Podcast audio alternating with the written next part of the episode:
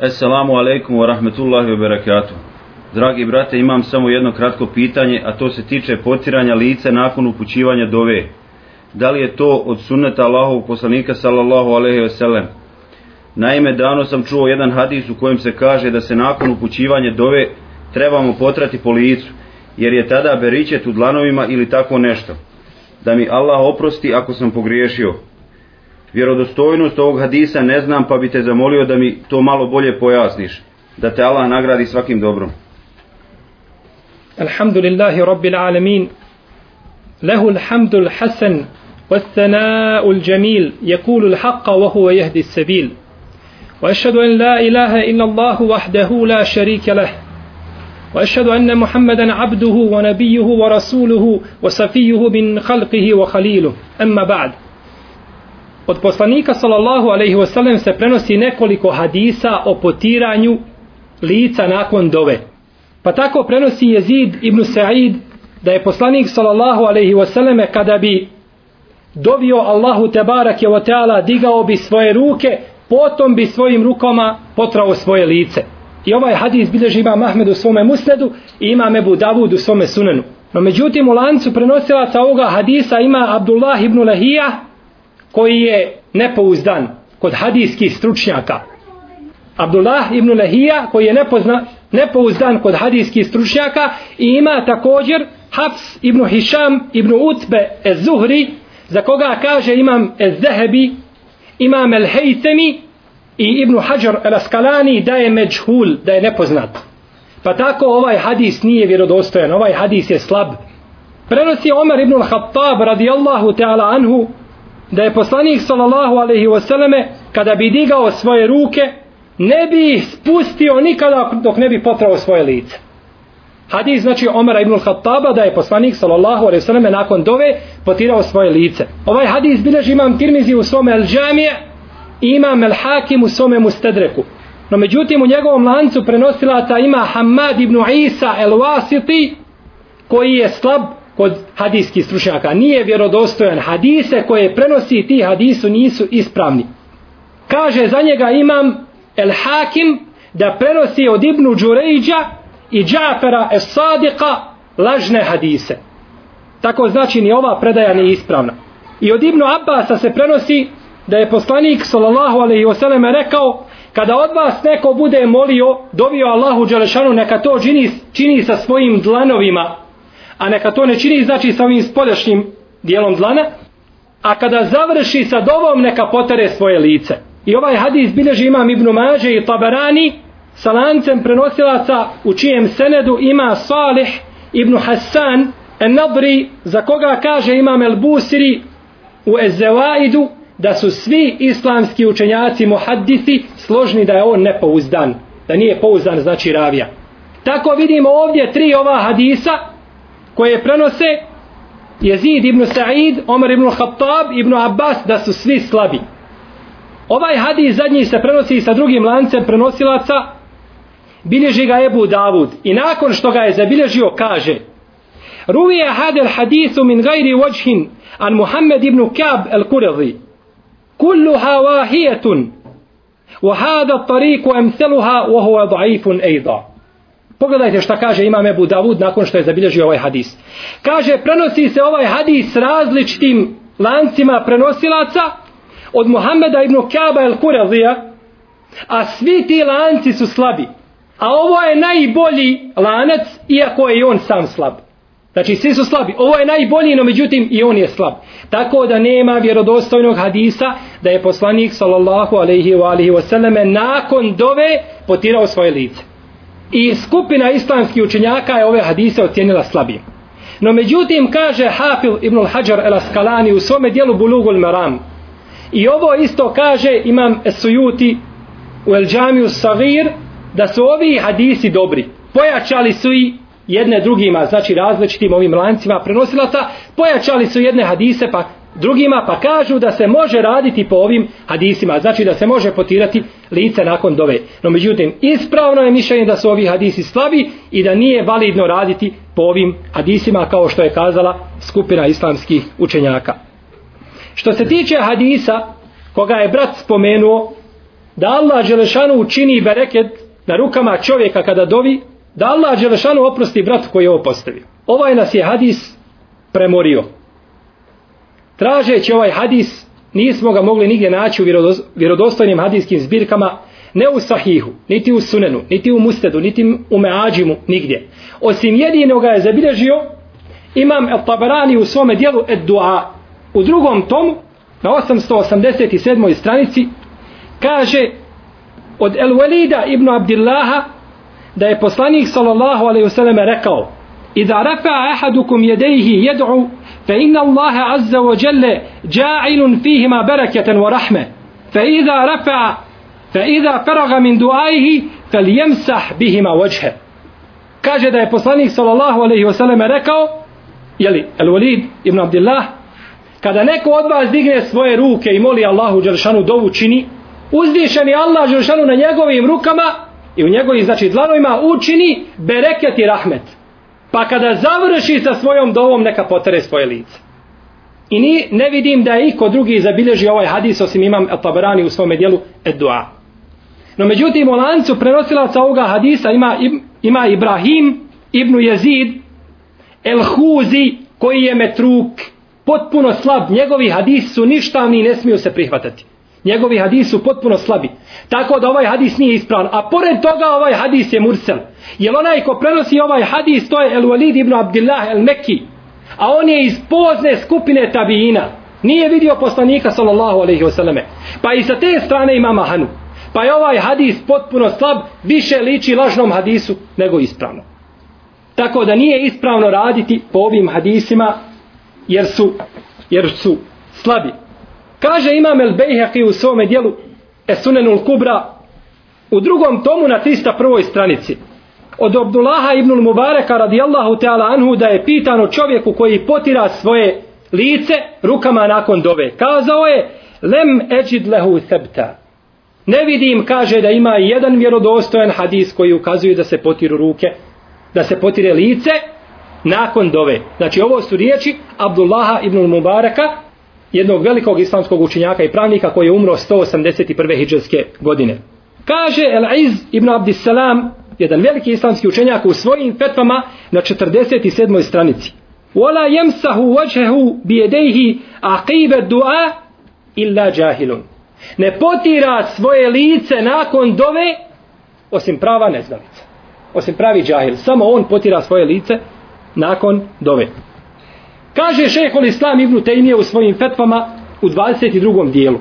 U emma refu nebi sallallahu alaihi wasallam jedejhi fi dua fa kad jae fihi ehadithun kethiratun sahiha وإما مسه وجهه بيديه فليس عنه فيه إلا حديث أو حديثان لا يكون بهما حجة والله أعلم što se tiče kaže dizanja ruku pri dovi o tome se prenose brojni hadisi od poslanika sallallahu alejhi ve selleme da je dizao ruke pri dovi A što se tiče, kaže, potiranja lica nakon dove, o tome nema nego jedan ili eventualno dva hadisa, koji su, kaže, slabi i ne mogu koristiti kao argument. Ovo je, znači, mišljenje šehol Islama Ibn Taymije, rahimehullahu teala. Pročitat ću vam šta kaže Imam El Aini, jedan veliki islamski pravnik Hanefijske pravne škole, u svome dijelu El Binaje. U drugom tomu, na 504. stranici, kaže ولو بسط يديه بعد الفراغ منه أي من القنوت ومسح بهما وجهه قيل تفسد الصلاة kada bi čovjek kaže nakon što čini dovu na kunut pružio svoje ruke i nakon toga potrao svoje lice nakon što je pružio ruke na kunut potrao svoje lice kaže po jednom mišljenju pokvaren mu je namaz ovo je znači mišljenje mama Elajnija velikog hanefijskog pravnika koji je umro 855. hiđetske godine, koji ima svoj poznati komentar na Buharin Sahih koji se zove Umdetul Qari. Znači vidimo nakon ovih argumenata da nema nikakve osnove, odnosno nema jake osnove, bolje kazati, potiranje lica nakon dove. Dobro. Hoćemo li kazati da je potiranje lica nakon dove ružna novotarija? U namazu jeste. U namazu je to ružna novotarija. I to osuđuju jasno riječi islamskih učenjaka. No međutim, mimo namaza, hoćemo li kazati da je to novotarija? Nećemo. Nećemo kazati da je novotarija cijeneći mišljenja naših islamskih pravnika i fakiha koji su dozvolili. Kao što je Hafid Nul Hajar, kao što imam Sujutija i brojni drugi fakihi, ovo su muhadisi koji su dozvolili. Smatrali su te hadise validnim da se može raditi po njima. Pa cijeneći naše učenjake i rezonujući na pravilan način razilaženja koja su se desila po ovom pitanju kažemo da je preče da se to ne čini da je preče da se to ne čini jer hadisi koji govore o tome nisu ispravni Allahu Teala ala. Ako žena prije sklapanja bračne veze uvjetuje mužu da ne ženi drugu ženu i on pristane na njen uvjet, da li ga mora ispuniti? Bismillah, alhamdulillah. Islamski pravnici faqihi se spore po ome pitanju imaju dva mišljenja. Jedna skupina učenjaka kaže mora ispuniti taj uvjet na koji je pristao. Kažu da žena ima pravo da postavi taj uvjet i on mora ispuniti taj uvjet. Ne smije se nakon nje više oženiti. To dokazuju hadisom koga bilježe Buharija i Muslim u kome je poslanik sallallahu alaihi wa alihi wa sallame kaže inne haqqa šarti en jufa bihi mastahleltum bihil furuđ najpreći uvjeti i šartovi koje treba ispunjavati jesu oni na osnovu koji ste vi ohalalili svoje furuđ, svoja stidna mjesta. To su najpreći šartovi koje treba ispunjavati. Jer je na osnovu toga šarta čovjek i žena, između njih je sklopljena bračna veza i jedno drugom su ohalalili svoje stidno mjesto. Jer se to ne bi desilo da on nije pristao na, na taj uvjet. Pa kažu ovi islamski učenjaci mora ispuniti taj svoj uvjet i ne smije se oženiti. Ovo mišljenje zastupa ima Mahmed, učenjaci Hambelijske pravne škole, šehol Islam ibn Taymije i drugi. Kažu mora ispuniti taj šart. Kaže imam Ahmed, ako bi se čovjek nakon toga oženio, nakon što je obećao svoje ženi da se neće ženiti, pa sklopljena braša veza i on se oženi, kaže imam Ahmed, ima pravo da traži razvod braka i da se razvede od njega. Ima pravo da se razvede jer je prekršio uvjet na osnovu koga je ona njemu postala halal. I ovo od imama Ahmeda spominje Ibn Kudame u svome dijelu El Mugni u sedmom tomu na 71. stranici spominje također imam El Mardavi u svome dijelu El Insaf u osmom tomu na 155. stranici i šehol Islam Ibn Taymi u svojim petvama u 29. tomu na 74. stranici. Ovo je znači mišljenje ovoga dijela učenjaka Između ostali ovo mišljenje su odabrali imam Eleuzaija, Ishaq ibn Rahawaj, Ebu Seur i drugi kako to spominja ibn Kudame u Mugniju, ibn Hajar u Fetul Bariju, ibn Muflih u El Mubdija i u El Furua, El Aini u Umdetul Kari u 20. tomu na 140. stranici. Ovo je znači mišljenje prvog dijela učenjaka da žena mora da ima pravo da uslovi taj uvjet da se ne ženi drugom ženom a da čovjek koji to uzme kao validan šarti, znači pristane na njega, mora ga ispuniti. Drugo mišljenje zastupaju učenjaci Hanefijske pravne škole, to jeste da nema pravo da postavi taj šart i ako ga postavi da on ne mora ispuniti taj šart. To mišljenje zastupaju učenjaci Hanefijske pravne škole, imam Šafija, Malik i većina islamskih pravnika iz prvih i potonjih generacija zastupaju ovo mišljenje. Kako se navodi u šarhu sunne od imama Al-Bagawija, u El-Mudevonetul Kubra imama Malika, u El-Hidaje El Fawakih u Devani i u drugim fikskim dijelima. Dokazuju to hadisom, ovaj stav dokazuju hadisom u kome je poslanik sallallahu alaihi selleme kaže El muslimune ala šurutihim illa šartane halle hala, haramen e harreme halala. Muslimani se moraju držati svoji uvjeta i šartova koje postave među sobom. Osim šarta koji dozvoli zabranjeno i zabrani dozvoljeno. Osim šarta koji zabrani ili dozvoli zabranjeno, a zabrani dozvoljeno. Takvi se šartova znači ne smiju držati. Ovaj hadis bilježi imam Tirmizi i drugi i smatra ga vjerodostojnim on i šeh Albani. No međutim, neki islamski pravnici su prigovorili ovome hadisu i njegovoj vjerodostojnosti. Pa ga smatraju da je slab. Ovaj hadis, iako bio slab sa svojim lancem prenosilaca, njegovo značenje je ispravno. Jer nema niko pravo da dozvoli ono što je Allah zabranio, niti da zabrani ono što je Allah Žešanu dozvolio. Također ovi islamski pravnici, većina znači islamskih pravnika koristi hadis koga bileže Buharija i Muslim u kome je poslanik sallallahu alaihi wasallam kaže ma balu akvamin ještaritune šurufan lejset fi kitabillah ela inne kulle Ela inne kulle šartin laysa fi kitabillahi fehuve batilun o in kjane mijete šart. Šta je to ljudima? Pa uslovljavaju uslove i šartove koji nisu u Allahovoj knjizi. Svaki šart i svaki uvjet koji nije u Allahovoj knjizi, on je batil, ništa van taman bilo stotinu takvih šartova. Pa kažu, nije to u Allahovoj dželšanu knjizi da žena uslovi svome mužu da ne ženi drugu ženu. Već je u Allahovoj knjizi da čovjek ima pravo da oženi drugu ženu, pa mu ne smije uslovljavati taj uvjet. Pa bi time bila ona koja je uslovila ono što je zabranila, ono što je Allah dželšanu šta? Dozvolio. Pa nema znači pravo da to učini.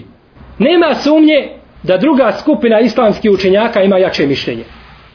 I da je ispravnije mišljenje da žena ne može usloviti taj uvjet svome mužu. Nema pravo. Ona može usloviti ono što je ostalo u šerijatu otvoreno.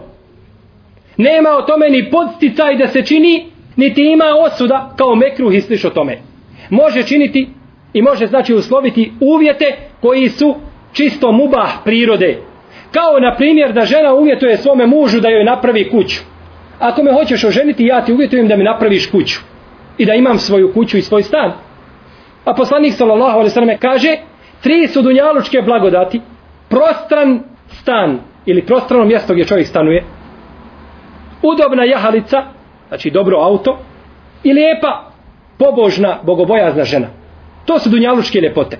Pa žena uvjetuje mužu, ja ću se udati za tebe, ali s tim da mi ti napraviš kuću kada je oženi, mora joj napraviti kuću ako zato ima mogućnosti. Ako nema mogućnosti, Allah ga ne opterećuje preko njegovih mogućnosti. Ali ako obeća, mora napraviti tu kuću.